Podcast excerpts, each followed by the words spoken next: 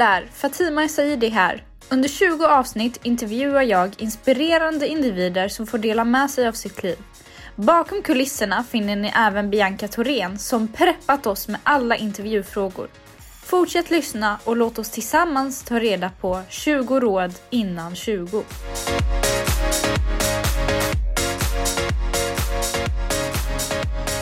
Med mig idag har jag Charbel Gabro. Hej Charbel! Hej, kul att vara här. Kul att ha dig här. Hur mår du? Jo men det är bra. Jag har um, magen full och uh, då vet jag men då kommer jag kunna prestera bra. Uh, och för att ibland så gör man grejer utan att vara mätt. Eller utan att ha ätit, ätit tillräckligt. Och då tror jag faktiskt inte att människan uh, är sitt bästa jag om man är hungrig. Så det, jag försöker alltid ha balanserat med mat innan jag ska göra mina grejer. Ja, ja men det låter bra. Du, ska vi erkänna någon, ja, det något litet jag vi ska misstag göra. som vi gjorde? Ja. Vi har nämligen redan spelat in eh, det här avsnittet, men insåg i efterhand att eh, det inte riktigt spelades in trots allt. Ja. Så att här sitter vi efter lunch och eh, ska försöka göra om det här. Mm. Det kommer inte bli som vi tänkte, men eh, det kommer inte bli som första, som eh, första. inspelning, men mm. som vi tänkte tror jag faktiskt på. För jag tror på att eh, det blir det är ämnat att det ska bli. Lite så tror jag i saker och ting. Vad vi än gör, det blir aldrig på samma sätt. Mm. Det var ödet att vi skulle göra ja, det här. Ja, men hoppas det blir bra. Mm. Ja, men vi kör. Mm. Eh, vi kan börja med första frågan. Hur var Charbel som ung? Shabbe Sumung var väldigt tystlåten. Vågade inte ta för mig.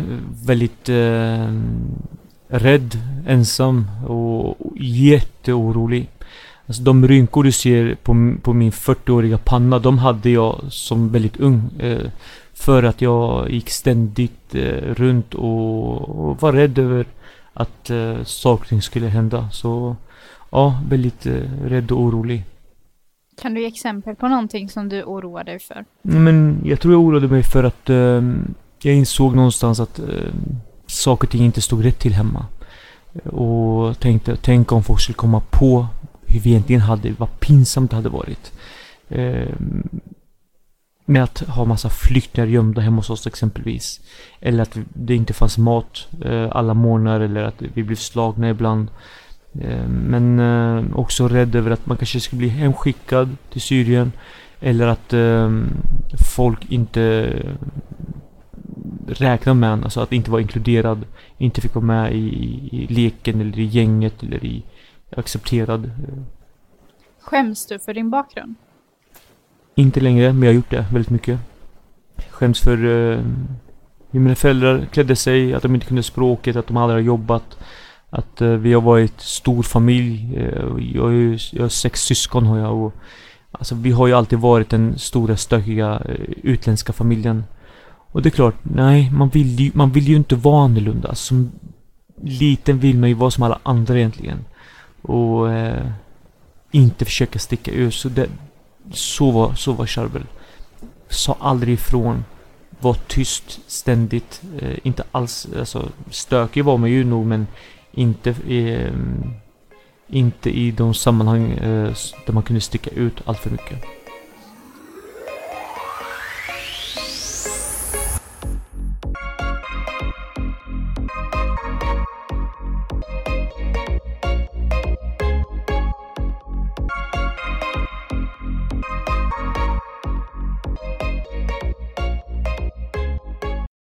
Det låter inte som den Charbel som jag träffar här idag. Så det jag undrar är, vad har hänt under de här åren? Jag tror livet kom ikapp och gjorde så att jag till slut var tvungen att tänka på vem jag vill vara. För att eh, jag menar, leva i, i mörker eh, ger ju ingen framtidstro. Men vad som hände var att jag fick en Guds uppenbarelse. Jag fick en andra chans i mitt liv och där insåg jag att eh, ja, men jag, om jag gör saker och ting annorlunda eh, så kommer också mitt liv bli annorlunda. Och egentligen skitsamma vad jag gör, men så länge jag inte gör samma saker. Eh, och, framförallt har jag vågat gå tillbaka till, till mig själv. De frågor som jag hade som liten ung har jag vågat ställa idag som vuxen. Och det gav mig helt andra svar, gav mig ett helt annat liv.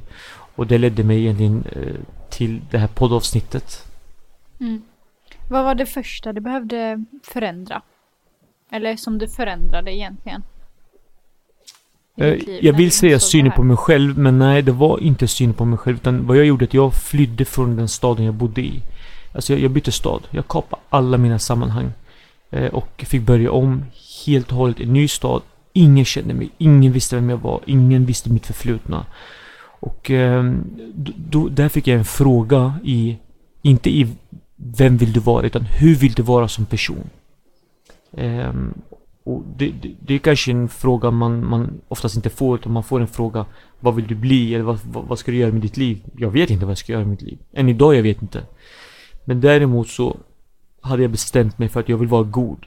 Jag vill vara så god att folk tycker att jag är helt dum i huvudet. Så god vill jag vara.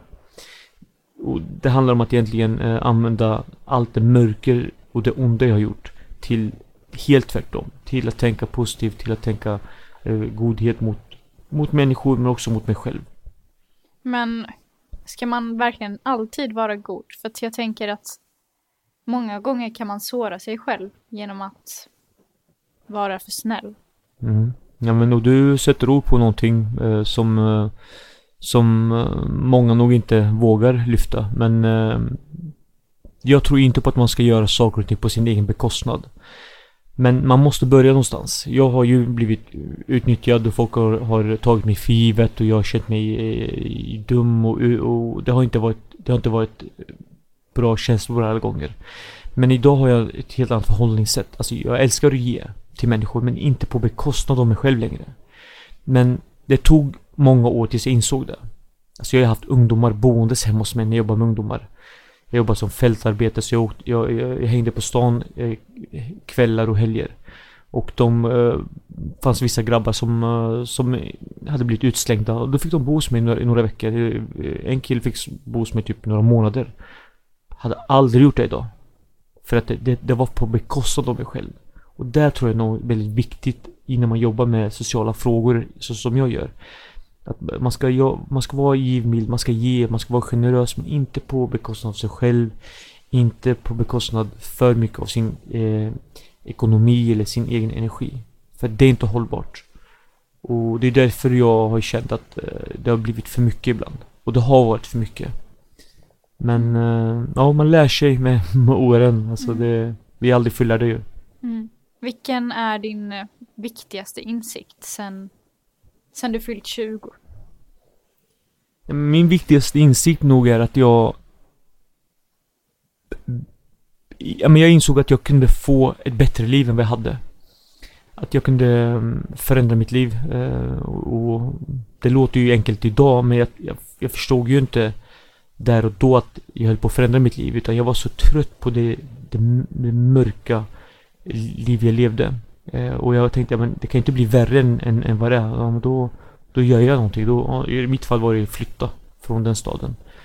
Men största insikten är att alltså egentligen våga, alltså våga hitta det själv, våga, våga fråga alltså vad, vad vill du på riktigt göra med ditt liv?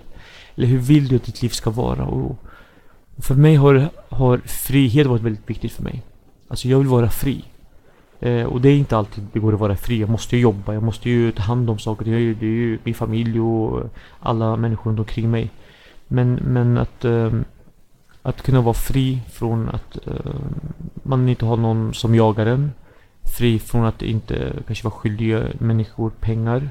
Fri från att eh, våga leva mm, det liv man vill leva. Det, det, det har varit viktigt för mig och alltid tänka kring det jag gör. Ger det mig frihet eller tar det av min frihet? Och tar de min frihet och det är inte ett måste, ja, men jag gör det inte. Hade, hade, hade det varit att komma till det här poddavsnittet eh, och det hade tagit av min frihet, nej jag hade inte kommit. Men om det, om det ger mig frihet, då gör jag det. Så det är så jag försöker tänka eh, när, när jag får förfrågningar kring saker och ting. Eh, ger det mig eller tar det av mig, kopplat till min frihet. Fint uttryckt. Mm. Um, skulle du säga att du är framgångsrik idag? Mm, Nej, det, det... Jag ser mig inte själv som framgångsrik, men om jag jämför med mig själv eh, för eh, 20 år sedan, ja, då är jag fett framgångsrik. Och inte i peng, utan i mitt liv. Jag har... Jag har relationer som jag har valt i vuxen ålder. Eh, som har gett mig en, en rikedom eh, mer än vad jag hade kunnat drömma om. Och inte i pengar, utan i, i kärlek. Eh, I bekräftelse. Men... Eh, men tyvärr så tänker man eh, framgång kopplat till pengar, hur mycket pengar vi har på banken. Men, men pengar gör inte mig lycklig. Inte att inte pengar är viktigt, det är jätteviktigt. Men jag, jag hade mer pengar som, som ung än vad jag har idag exempelvis. Men sen beror det på hur man fick de pengarna. Eh, så ja, men det, jag, jag ser mig nog själv som framgångsrik. Eh, men jag mäter inte det i pengar, utan jag mäter i, i att jag lever ett, ett drömliv egentligen. Och för att jag har valt att umgås med människor som gör mig bättre. När vi är små, alltså vi väljer ju inte våra vänner alla gånger. Utan man får vänner som finns runt omkring i den gård där man växer upp eller kanske i skolan. Eh, och jag har ju tyvärr bara umgås med människor som ser ut som mig, som är som mig. Som också levt i utanförskap. Men eh, nu när jag väljer vänner så väljer jag ju inte vänner som är som mig. För de kan inte lära mig någonting. Däremot när jag umgås med någon som är väldigt olik mig där finns det lärdom, där finns det inspiration och då blir jag en, en större version av mig själv och en bättre version av vem jag är. Vad skulle du säga driver dig? Men i, i mitt...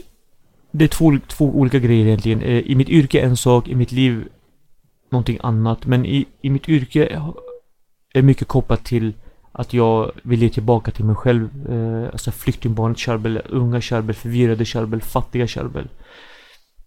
Och det gör så att jag, eh, jag jobbar, försöker skapa eh, sammanhang som väcker de frågor jag själv hade.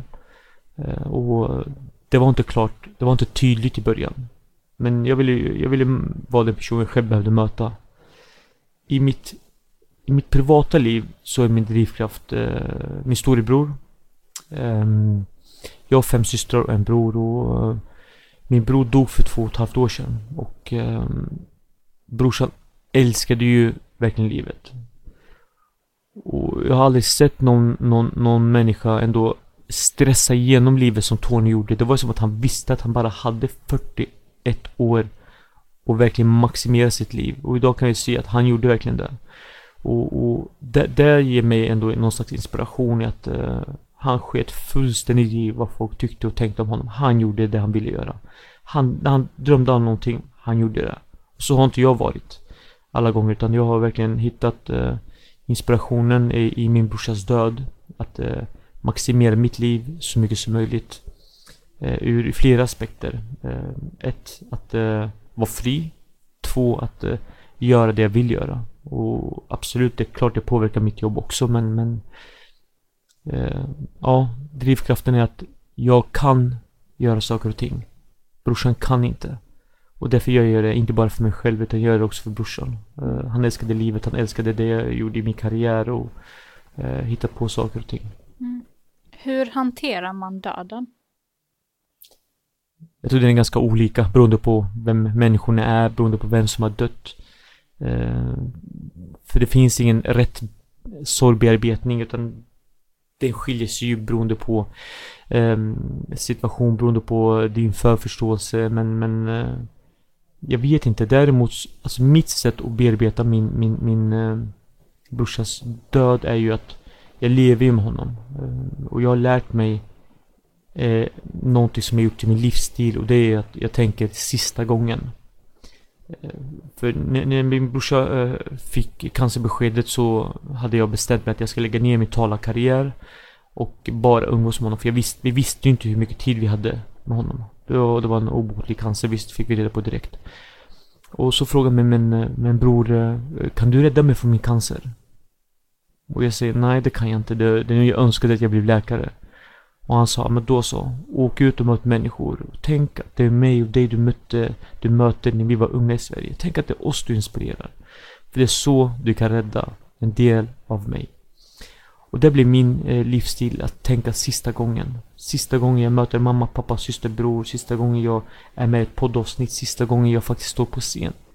För när jag tänker sista gången, då är jag totalt närvarande och tar mitt hjärta och, och, och kastar den och vandrar efter.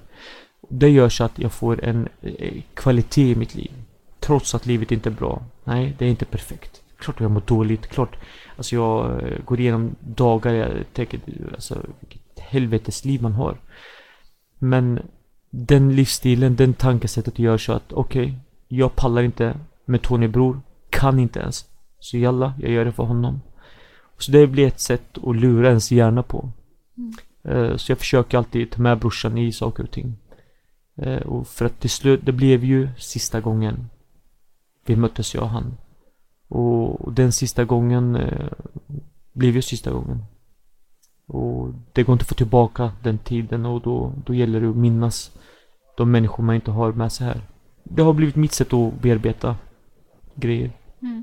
Jag beklagar sorgen, men eh, eh det låter som att du du är en stark person. Som... Ja, jag vet inte. Alltså, ibland så önskar man att man var starkare, men ibland så tänker jag, men eh, är det här en flykt? Alltså, jag, jag hör ju hur det låter. Det låter jättebra det här.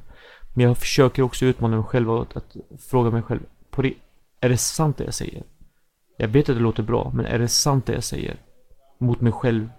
Um, eller säger jag bara det för att jag vet att människor vill höra det? Och det är ju någonting jag brottas med ständigt för att jag försöker ju ringa, ibland, jag, jag tänker att jag ska ringa honom. Och sen kommer jag på shit, han är död. Och då, då, då bryts jag igen. Så jag vet inte om jag är stark utan det är mitt sätt att säkert lura min hjärna, jag vet inte. Mm.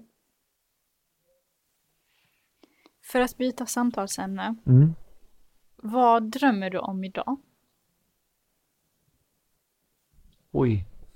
Nej men jag, jag på riktigt, jag, jag har aldrig haft några drömmar. Jag har aldrig vetat vad jag ville bli. Jag har aldrig haft någon plan, aldrig haft någon strategi. Däremot så vet jag en sak att jag, jag vill fortsätta göra samhällsnytta på olika sätt. Och um, så, så, jag vet inte.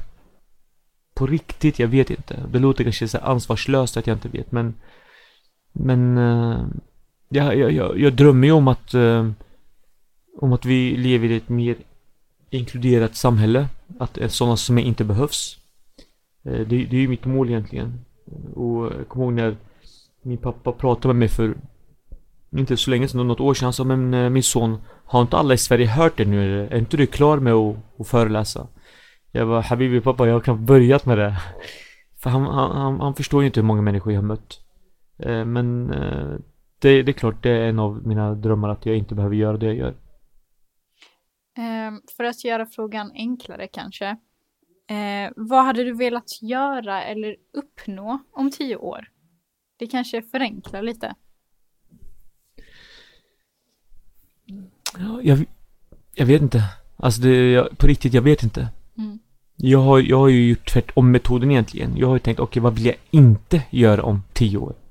Ja men då tar jag bort massa grejer som jag inte vill göra. Så jag, och då är det inte så många grejer kvar. Det är någon av de grejerna som jag kanske ska göra. Uh, och sen tror jag på riktigt på att livet leder mig till saker och ting. Jag trodde aldrig i min vildaste fantasi att jag ska um, bli kontaktad uh, av att vara med i en podd. Alltså, vem är jag och ska vara med i en podd? Men jag har gjort grejer som har lett mig hit. Som är en självklarhet att jag gör det här jag gör nu. Så jag vet inte vad jag gör om tio år. Eh, däremot, så länge jag gör, fortsätter göra saker och ting så tror jag på att goda och bra saker kommer hända. Jag tror att det är bra att unga människor får höra att man behöver inte drömma. Nej, alltså... Jag tror inte att alla har jag, jättekonkreta drömmar. Nej, men eh, alltså om vi utgår från dig då, alltså du har väl ändå en dröm över att bli någonting, eller? Ja, det ja. har jag. Och jag är ju avundsjuk människor som har drömmar. Jag är ju avundsjuk människor som, visst, som vet vad de vill bli. Min lillasyrra, hon visste direkt vad hon ville bli. Jag bara, men jag, alltså jag, jag bara att veta att folk vet vad de vill bli stressar ju mig. Eh, och då har jag gått runt och inte vetat och ibland, det har, det har varit jobbigt. Mm. På riktigt, det har varit jättejobbigt. En av, en av mina um, jobbigaste tankar nog att jag har inte vetat vad jag, vad, vad, jag, vad jag ska göra i mitt liv eller vad jag ska bli. Men tipset till dig som känner så är Skitsamma vad du gör, gör bara någonting. Det ena kommer leda till det andra. En dörr öppnas, någon annan stängs. Men dörrar kommer fortsätta öppnas så, så länge du knackar på saker och ting. Mm. Ja, testa dig fram. Ja, det, det, det, det säger jag verkligen till, till, till mig själv och till människor. Testa. Eh, vill du berätta lite om din organisation? Mm, jag, jag driver ju en um, ungdomsorganisation som heter Samtalsringen. Där vi har tagit fram en metod där vi eh, lär unga grabbar från orten att sätta, på, sätta ord på tankar och känslor. Och det här är ju någonting jag själv behövde för att jag pratade aldrig ut när jag var liten och eh, vi lever i en machokultur tyvärr som säger att eh, vi ska vara stora och starka och inte visa en enda känsla. Men jag gör tvärtom. Jag ser till att eh, grabbar som många är rädda för blir sårbara. Och i sårbarhet så hittar grabbarna sig själva och där har vi modigare grabbar så småningom bättre medmänniskor i Sverige. Eh, och allt bygger på att ställa frågor till människor. Inga tips. inga tips från coachen utan bara frågor från coachen. För du som människa har dina egna svar men du har inte dina egna frågor. Så du behöver frågor för att få ut dina magiska svar. Hur kan en fråga låta? Ja men det skulle kunna vara vad... Um, alltså vad, vad, vad vill du göra med ditt liv? Eller uh, vad är dina utmaningar? Och jag ställde frågan en gång till en kille, men vad, vad är du inte nöjd med, med ditt liv? Ja, så började han prata, nej men han har lite beteenden. Och varför har du de här beteendena för? Nej men alltså att det blir så ibland är osäker. Varför är du osäker? Ja men det är för att jag har dålig självkänsla. Och han visste inte att han hade dålig självkänsla. Men det ena svaret ledde till att det är hans självkänsla som är problemet som gör så att han blir en tickande bomb. Och då får man helt plötsligt sätta ord på vad är självkänsla? Hur kan jag få en bättre självkänsla? Och folk som hör det känner igen sig för att många har ju dålig, dålig självkänsla, dålig självbild. Men man pratar aldrig om det. Det kan typ vara en fråga. En enkel fråga som blir ganska djup till slut. Eh, har du märkt någon effekt av eh, det du jobbar med? Ja, och det är ju också orsaken till att man fortsätter göra det. För det här jobbet gör jag ideellt. Alltså det finns ingen betalning i det här utan det är mitt sätt att, att ge tillbaka till, till uh, gator och torg. Uh, men uh, jättemånga grabbars uh, liv som har verkligen vänt. Visst, det har inte gått bra för alla men, men de flesta som kommer i kontakt med sig själva uh, hittar till slut någonting de vill göra. Antingen jobb eller utbildning. Så det, de, de, de kullarna vi har jobbat med har, har gått jättebra för. Eh, men inte alla som sagt. Vissa sitter inne eller vissa har, eh, alltså, är försvunna. Men, men de flesta har gått jättebra för. Mm. Men det är ändå värt jobbet så länge du har hjälpt den. Ja, och det är ju något... Värdet i sig ligger ju inte i pengen som jag har sagt tidigare utan det är ju när, när man ser någonting hända i en annan människas ögon. Och då tänker jag wow, det här var grymt det här lever jag på. Eh, och det blir en kick att se människor verkligen ta steg. Så det, det, det, det, det blir blödningen. Mm. Och det här med att påverka andra, det är du verkligen grym på. Eh, 2019 så blev du utsedd till Sveriges bästa talare. Ja. Ja. Eh, och nu när jag har dig här så tänker jag att jag måste passa på att ställa lite frågor mm. kring mm. hur ska man hålla en pitch? Hur gör man? Ja, men jag tror att det går att göra på massa olika sätt och det finns jättemycket teorier kring hur man kan göra. Jag, jag, jag kör ju på en sak och det är ju att eh, alltså beröra människor, få människor att känna det man själv har känt. Eller få människor att känna nya känslor eller nya tankar. För att eh, allt har sagts, allt har gjorts och du kan lära dig massor teknikaliteter eh, och, och, och, och läsa in det i vad du ska säga.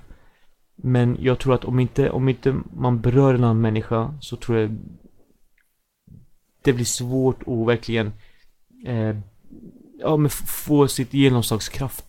Så jag kör väldigt mycket på att beröra människor och, och det var inte självklart. Jag visste inte vad det bästa med mig var men idag vet jag ju att jag är bra på att beröra människor.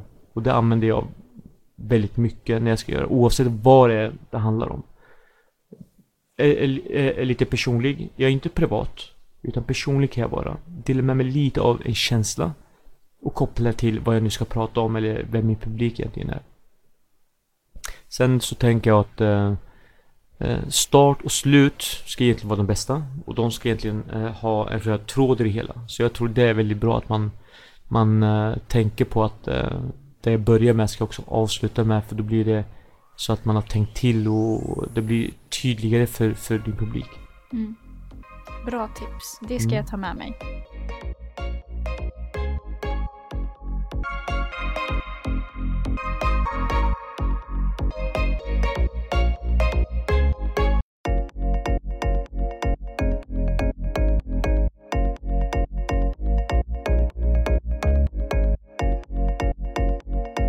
Eh, Charbel, du som eh, är talare och har varit det i några år. Hur startade din karriär? Ja, min karriär. Inte för att jag ens visste om att det var en karriär men För mig var det så att eh, Jag började jobba med ungdomar och då ville de veta vem jag var Så stod, ställde jag mig upp för 20 personer och berättade om mitt liv Jag kommer inte ihåg vad jag sa, jag fick blackout Men vaknade upp av en applåd Och då insåg jag wow Människor applåderar när jag berättar om mitt liv Det är inget speciellt och där och då insåg jag att okej, jag har någonting att bidra med. Någonting väcktes i mig. Och det gjorde jag under tio års tid ideellt. Jag åkte runt, runt omkring i Sverige. Överallt. Skolor, föreningar, fotbollslag, kyrkor. Och delade med mig av eh, hur, hur ett liv från förorten, eh, hur, hur det kan se ut. Men eh, en av gångerna så fick jag 500 kronor. Jag bara, vad, vad är det här för någonting? De bara, nej men det var, jag vet inte om det var bensinersättning eller arvode. Jag bara, vad är arvode för något? Jag vet inte vad det är. Jag har inte gått ut gymnasiet ordentligt så jag har aldrig trott att jag ska göra de här grejerna. Ja men eh, så googlade jag och där och då insåg jag Det är ju en bransch. Alltså det finns ju folk som jobbar som föreläsare. Och så började jag nätverka med alla människor som jag då hade googlat. Och jag bara wow, som dem vill jag bli när jag blir stor. Eh, men vad jag insåg ganska snabbt var att eh, jag hade haft 10 års försäsongsträning. Jag hade i 10 års tid gjort det här utan att fatta hur bra jag var. Så när, när så här, myndigheten eller näringslivet såg mig, de bara Wow mannen, alltså vart har du varit? Eller vart är du utbildad? Jag är inte utbildad någonstans. Däremot hade jag gjort mina 20 000 timmar. Jag hade verkligen gjort jobbet, föreläst så mycket och, och gett av hela mitt liv. Och då gick det väldigt snabbt för mig. Eh, att hitta min, min, eh, alltså mitt kall i, i, i, i, i mitt talande. Mm. Eh, har du alltid, har du drömt om att vara talare eller? Nej, nej, nej, det här är inget jobb. det här är inget jobb, nej. Och det, ha- hade jag vetat om hur jag har gjort idag hade jag nog inte gjort det. Alltså det tog ändå lång tid tills jag ändå blev professionell i det här. Alltså att jag kunde leva på det. Eh, jag hade nog, nog gjort på ett annat sätt idag. Men jag är, inte, jag, jag är ändå glad över att jag ändå tog den hårda vägen för att jag Det blir också ett, ett sätt för mig att bevisa på att det går att lyckas med saker och ting. Trots att man inte ens visste om det. På vilket sätt har du utvecklats som talare?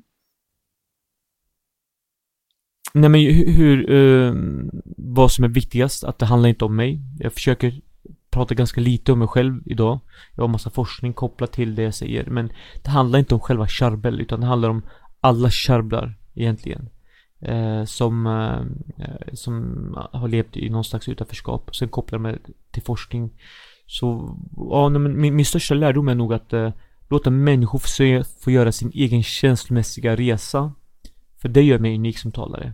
Inte att folk blir berörda när jag berättar om mig. Nej. Folk blir berörda och gråter för att de känner känslor de aldrig känt tidigare. Det är nog skillnaden mellan mig och många andra talare.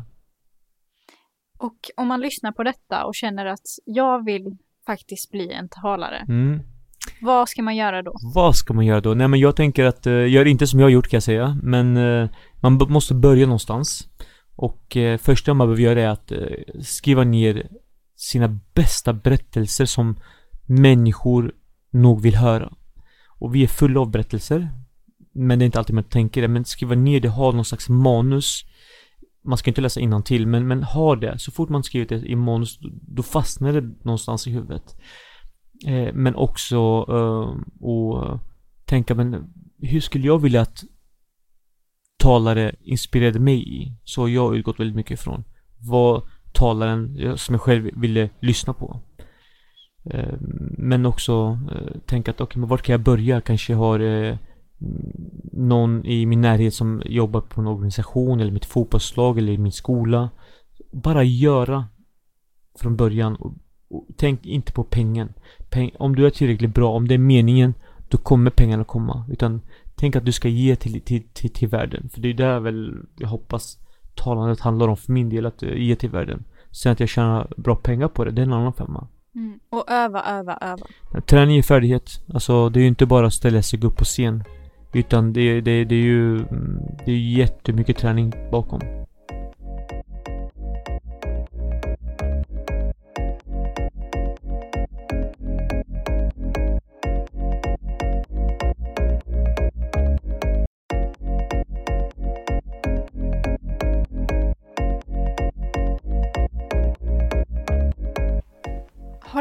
Något mer som du vill dela med dig av? Något råd till någon som är i 20-årsåldern?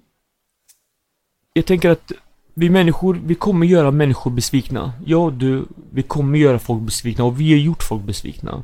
Eh, och det är bara, det är bara inse faktum, vi kommer inte räcka till. Men det är skillnad mellan att göra alla andra besvikna och sig själv besviken. Och tyvärr, jag är viktigare än dig i mitt liv. Så egentligen hellre att du blir besviken än att jag själv blir besviken över saker jag själv gör eller själv säger. Och inte att man ska vara dum mot människor, absolut inte, utan man behöver egentligen ta sig själv i första rum.